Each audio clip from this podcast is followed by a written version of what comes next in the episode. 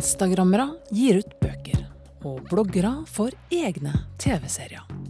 Fins det en snarvei fra sosiale medier til tradisjonelle medier? Det er blitt en viktig vei for eh, de etablerte mediene. Det er å prøve å tiltrekke seg det som passer inn i deres profil, fra da disse, disse nye mediene, de nye aktørene, de nye stemmene. Og gjør det at flere mennesker får sjansen til å vise fram hva de kan? Mange gode ideer og mange gode avsendere som vi ellers ikke hadde oppdaget, kanskje, for mange år siden. Eller er det først og fremst en gylden anledning for forlag og mediehus når profilene ofte har en direkte markedsføringskanal til hundretusenvis av dedikerte følgere? Jeg tror forlagene har sett fordelen av det. Eh, at forfattere i mye større grad eh, enn før reklamerer for sine egne bøker. For det tar jeg liksom litt tak i sjøl. Og i ukas mediepanel skal vi snakke om hvordan man dekker en tragisk ulykke når nesten hele lokalsamfunnet er berørt. Du hører på Kurer, og mitt navn er Kristin Norvoll Mork. Og hun lager eh, middag nesten hver eneste dag. Det siste året har Karen Helene Thorsen eh, delt sine middagstips med andre på Instagram-kontoen Fattig student, der hun nå har over 11 000 Du har kanskje fått med den siste tidas boksuksess. Førsteopplaget til boka 'Fattig student' av Karen Helene Thorsen ble utsolgt før den i det hele tatt nådde bokhyllene for fire uker siden.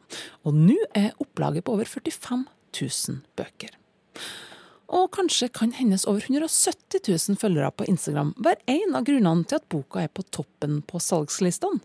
For videre på den boklista så finnes mange forfattere som jeg kjenner igjen fra Instagram eller blogger.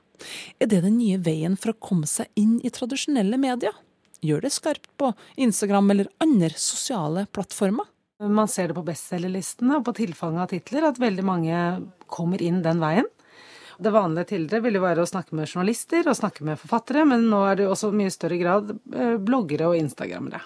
Tuva Ørbekk Sørheim er sjefredaktør i Kagge forlag, og ser mange fordeler med å finne forfattere gjennom sosiale medier. For det første så har jo de ofte en veldig tett kontakt med sitt publikum, sånn at de vet veldig godt hva som fungerer og hva som ikke fungerer. Og dernest så vet vi jo at det fins et publikum. Hvis en blogger eller en instagrammer har 150 000 følgere, så vet vi jo at det er veldig mange som er interessert i vedkommende allerede.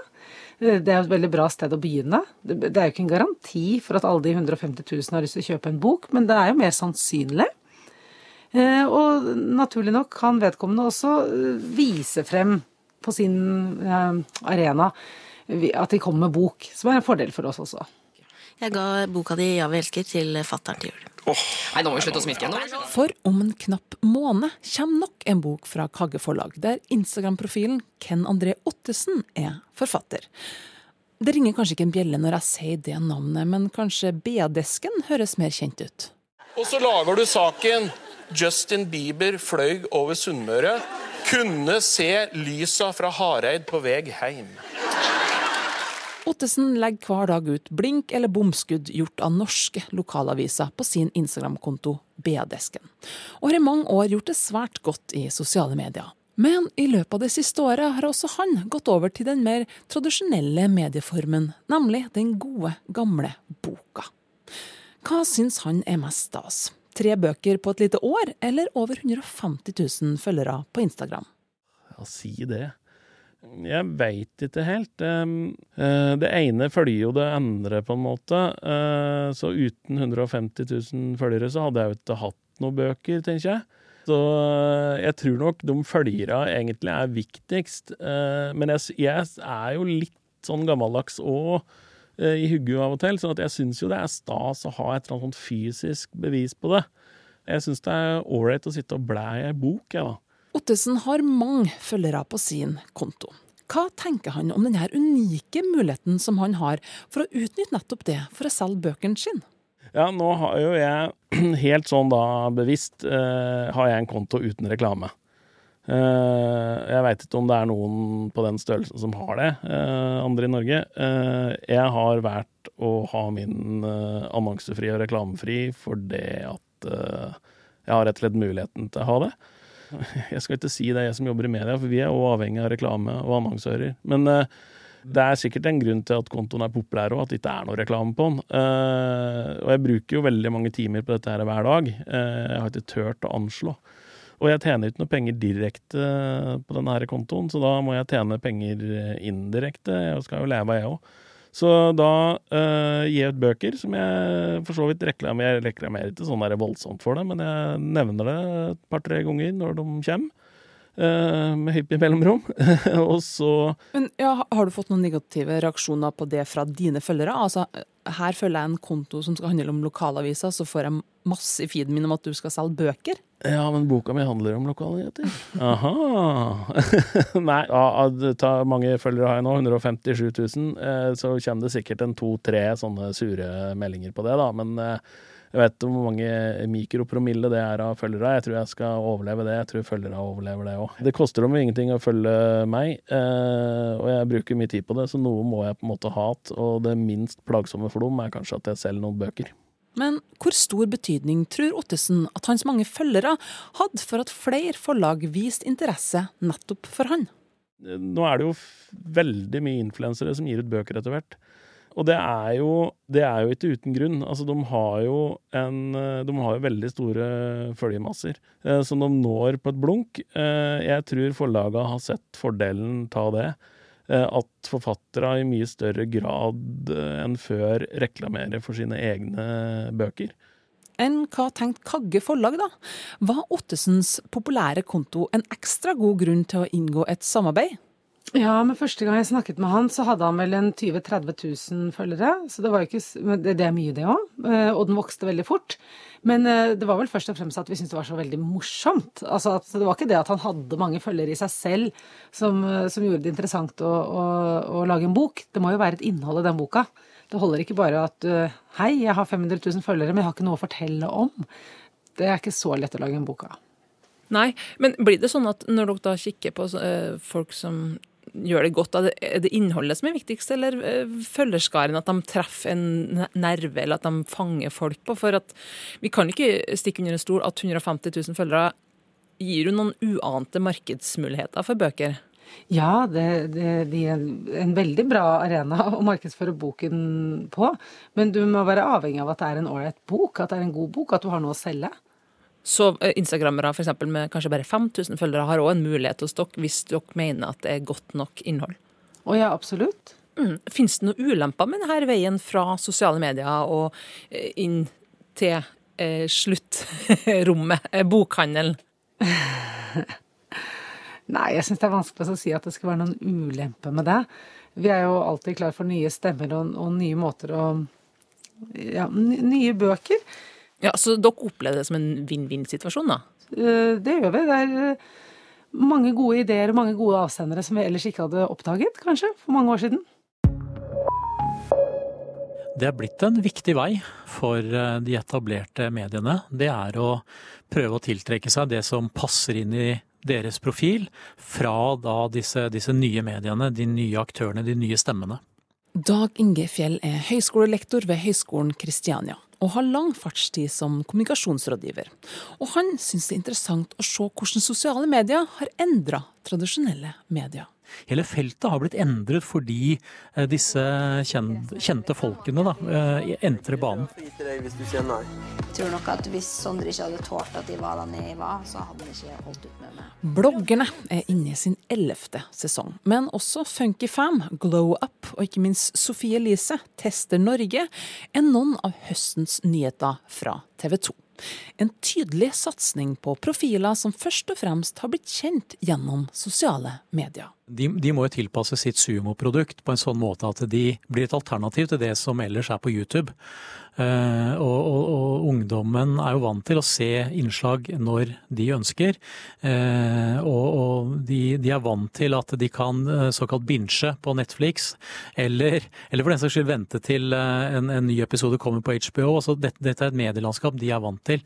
Og da må TV 2 tilpasse produkter til dem på, på, den måten her. Og da blir Sumo det verktøyet og så er det litt sånn at jeg tror, jeg tror ikke lesing, jeg tror ikke tradisjonelle medier er, er dødt. Det er bare at det, det, det får en annen form. Uh, det var ganske mange som mente at, at uh, litteratur for barn, altså bøker for barn, det var helt avleggs, og så kom Harry Potter-bøkene. Sånn at det er veldig vanskelig å spå hva som eksakt vil skje. Ja, for er denne måten å bruke SoMe-kjendiser på en metode for å få de unge leserne, lytterne og seerne tilbake til de tradisjonelle mediene? Når Norstats undersøkelse i vår viste at én av fire ikke leser bøker, så håper og tror forlagsredaktør Ørbekk Sørheim at dette kan være en måte å nå unge mennesker på. Vi har sett mange bloggsuksesser Eh, de senere årene, hvor ganske sånne personlige, nære fortellinger fra en person som har en blogg, og som eh, disse som følger bloggen, føler at de kjenner godt fra før, og de ønsker også å lese boka også. Det har vi sett mange eksempler på.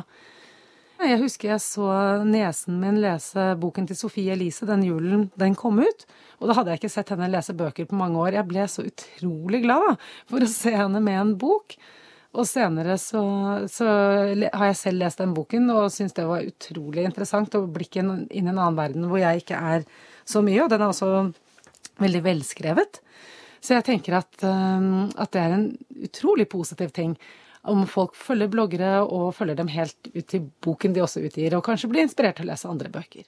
Vil vi bare se en mer fusjon av sosiale og tradisjonelle medier, eller hva, hva tenker dere som forlag om framtida? Ja, jeg syns at det er en stor vekst, eh, og jeg tror ikke den stopper nå i det hele tatt. Men jeg tenker at det er en slags demokratisering, da. At det er flere mennesker som bare i kraft av seg selv kan publisere det som interesserer dem. Og plutselig så når de en nerve der ute, og så vokser de og får en konto, og kanskje det blir til en bok. Det gir jo en annen vei til, eh, til bok og til oppmerksomhet enn tidligere. Det er ikke slik at det er en redaksjon som sitter og bestemmer hva man tror folk interesserer seg for. Her ser man hva folk interesserer seg for. Det er de som har mange følgere, og da er folk interessert i dem. Så eh, det har blitt lettere å bli eh, bokforfatter gjennom sosiale medier? Jeg tror kanskje at vi har fått et bredere tilfang av ulike typer stemmer. Det tror jeg. Og det tror jeg bare er bra. Og kommunikasjonsekspert Fjell tror også at vi bare vil se mer sammensmelting av tradisjonelle og sosiale medier. Eh, nye blogg, bloggere, nye, nye skribenter. altså alt, alt, kan dukke opp. Det er bare kreativiteten som, som setter en grense for det. Og det, det, er ofte veldig vanskelig for etablerte mediehus å, å, å greie å, å, skape på egen hånd. Fordi de blir sittende der med fokusgrupper og masse undersøkelser, og de, de blir veldig da korrekte, de blir veldig forsiktige, risikoaverse. Mens folk som ikke har noe å tape, de kan bare kjøre på. De kan ha sitt eget eh, mobilkamera og lage innhold. Så vi har overhodet overhodet ikke sett uh, slutten på, på, det som kommer til å være uh, utbudet av, av, medieprofiler som, som blir store uh, profiler for sine definerte segmenter. Men de vil alltid starte i, i, det, i, det, lille. De vil alltid starte som veldig tydelige, posisjonerte aktører. Og så vil man da gjennom sånn klassisk sånn darwinistiske markedsmekanismer få noen som overlever, og ganske mange som ikke vil det.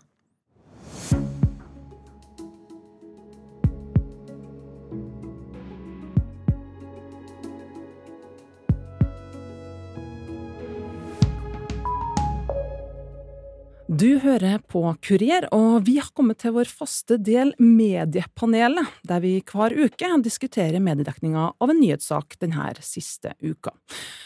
Og lørdag ettermiddag kom de første meldingene om at et helikopter med seks mennesker om bord hadde styrta i Alta. Og det ble raskt klart at det var flere omkomne, og søndagsmorgen kom den endelige bekreftelsen. Det var snakk om svært unge mennesker, og tragedien var komplett. Og ansvarlig redaktør i Altaposten, Rolf Edmund Lund, det her måtte ha vært ei tung uke å være på jobb. Eh, hvordan har dere i Altaposten jobba med denne vanskelige saken? Nei, Det har vært et, eh, en stor stor belastning. Du må huske på at eh, det er fem unge mennesker, lokale unge mennesker som, som ble ramma, eller som er offer. Og da har du rett og slett hel, en hel by, som, en hel kommune, som er påvirka. Vil si det er også hele regionen. og og folk fra, fra andre kommuner. Sånn at eh, det blir, et, eh, det blir, en stor belastning for eh, alle. Vi har masse pårørende å forholde oss til. Jeg har de ansatte som, som, jeg også må prate med underveis. Og det ble en, det ble en kjempeutfordring på alle tenkelige måter. Ja, er det noen utfordringer som har vært vanskeligere enn andre? Altså, som, som, en eh, lokalavis så er man jo ikke vant, vant til å ha en så omfattende katastrofe i sin nærhet. sånn at uh, det å på en måte håndtere uh, Det er jo veldig unge mennesker som, som gikk bort. og det påvirker også hvem som er opptatt av det her, så det er veldig unge mennesker. Man, skal man intervjue dem, skal man være varsom? Alle de poengene som står i Vær varsom-plakaten må vi først og fremst forholde oss til. Og så, så må vi jo samtidig være opptatt av hva type bilder vi bruker. Det er veldig mye informasjon som kom samtidig, og det er veldig mye spekulasjoner. Øh, veldig mye feilkilder. sånn at det, å, å på en måte manøvrere i det terrenget ble selvfølgelig en kjempestor utfordring. Og uh, i tillegg så det perspektivet med at, at du, du, har sånn Du er såpass involvert sjøl, både jeg og mange andre, at du, du og så er du opptatt av de pårørende hele veien. Sånn at, og Det, det syns jeg er sunn, sunn refleks, det må vi ha med oss. Det Empatien må også journalistene ha med seg når man går inn i en sånn situasjon. Så, så det, det, er for så vidt det, må jeg si er imponert over, over journalistene mine og måten de orienterte på. Jeg hadde jo opptil syv personer i drift bare på, på lørdagen. Mm. Og allerede søndag ettermiddag så ble det jo klart at valgkampen i Alta ble avlyst. Hvordan har det vært oppi det hele som en helt sånn annen sak? Ja, det, det, Du har jo de samme som på en måte, altså de ordfører som, som fronta på en måte kriseteamet. og Samtidig hadde de jo på søndags ettermiddag eh, møter i, der, tverrpolitisk der alle var på plass, og der de raskt kom frem til en konklusjon at det føles rett og slett meningsløst å gå inn i den valgkampen. For en valgkamp den eh, er gjerne spissa, og den eh, er konfliktorientert. og Jeg tror det var, det var 100% enighet om at det, det blir vanskelig. og dialogen inn mot oss starta jo også, for vi hadde jo en partipresentasjon som gikk der du hadde presentert eh, syv av ni parti som, eh, som eh, vi, vi, hadde bestemt oss for å, å speile. og da, da, var også spørsmålet om vi skulle da kjøre de to resterende. og det, det gjorde vi på en si, Det var faste spørsmål, og det følte vi var riktig å gjøre. Og så er det jo sånn at det er ikke lett å, å si, nedtone en valgkamp som er så viktig for demokratiet. sånn at det er jo ikke sånn at vi avslutter den politiske dekninga. Vi prøver jo på en måte å finne relevante innganger og, og inn mot eh, valget og, og, eh, den type ting, sånn at vi har prøvd å på en måte avdempe alt sammen. Mm. Eh, med oss på panelet har vi også deg, Anders Aasegg Morken, ansvarlig redaktør i avisa Sør-Trøndelag. Kjenner du deg igjen av noen av de her utfordringene som Lund har stått overfor?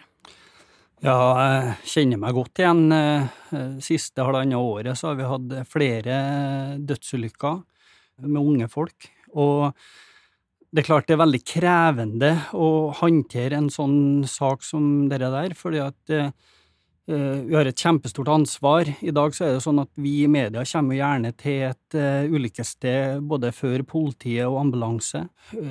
Altså, dype tragedier blir gjerne referert i sanntid fra oss i media, og så er spørsmålet dette her med hvordan håndterer vi det opp imot de pårørende? Eh, hva vi publiserer, hvordan vil det eh, påvirke altså opplevelsen for pårørende? Det er gjerne folk du kjenner som er involvert.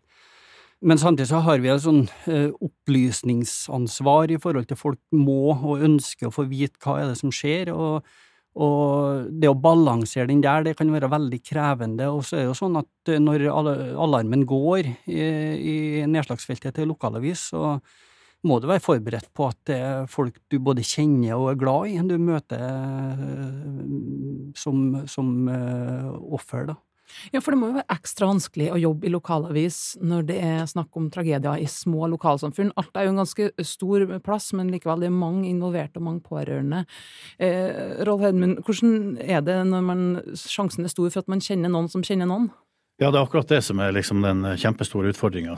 Personlig så har jeg vært redaktør såpass lenge også at jeg har et enormt kontaktnett. Så jeg, jeg kjenner veldig mange, og det er klart at eh, som vi er inne på her, så er det nesten hver eneste gang du er i en ulykke eller en tragedie, så, så, så kjenner du folk. Og i, i, det minste vil det være folk på mediehuset som, som gjør det. Og så har vi jo det, det forholdet at eh, lokalaviser er faktisk noe annet enn uh, riksmedia. Det var en som sa til meg at nå kan vi reise videre, men du skal, du skal se alle i øynene etterpå. Du skal snakke med, med, de pårørende etterpå osv. Så videre. sånn at det er en, et utrolig viktig perspektiv, og ikke minst for oss som har en, som samarbeider tett med VG, har en VG-avtale vi må forholde oss til. og vi jeg hadde også to folk i, i sving for å jobbe for TV 2. Sånn at de må på en måte inn i en litt, litt annen modus, og gjerne dekke det i, i samtid. Og, og, det er sånn at et bilde på i Altaposten eh, blir noe annet enn et bilde i VG, for å si det sånn. Det er, det en, det er et helt annet reaksjonsmønster ute og går der. Så det er en veldig spesiell situasjon å være, ha, ha, ha føttene både to og tre plassene samtidig. Mm. Og Frode Nilsen Børfjord, du er jo nyhetsredaktør i en eh, regionsavis, Adressa. Eh, Hvilke tanker har du gjort om dekninga av denne tragedien denne siste uka? Nei, altså i og med at det her var også et uh, helikopter som tilhører et trøndersk selskap, eller som har hovedkontor på, på Værnes, så uh, var jo vi tett på. Uh, vi er jo egentlig tett på stort sett alle sånne større hendelser i Norge uansett, for det interesserer jo våre lesere. vi hadde jo et nært samarbeid med Altaposten ganske raskt. Så jeg, har jo, jeg fulgte jo både lokalavisene og, eller Altaposten og, og VG og TV 2 og så videre gjennom dette her, og jeg syns jo det gjenspeiler litt det Rolf Edmund sier, at det handler om å ha en respekt for den tragedien det er, ikke sant, og jeg skjønner jo veldig godt, jeg har jo masse slekt i Alta, eh, også akkurat i det området hvor eh, helikopteret styrta, faktisk.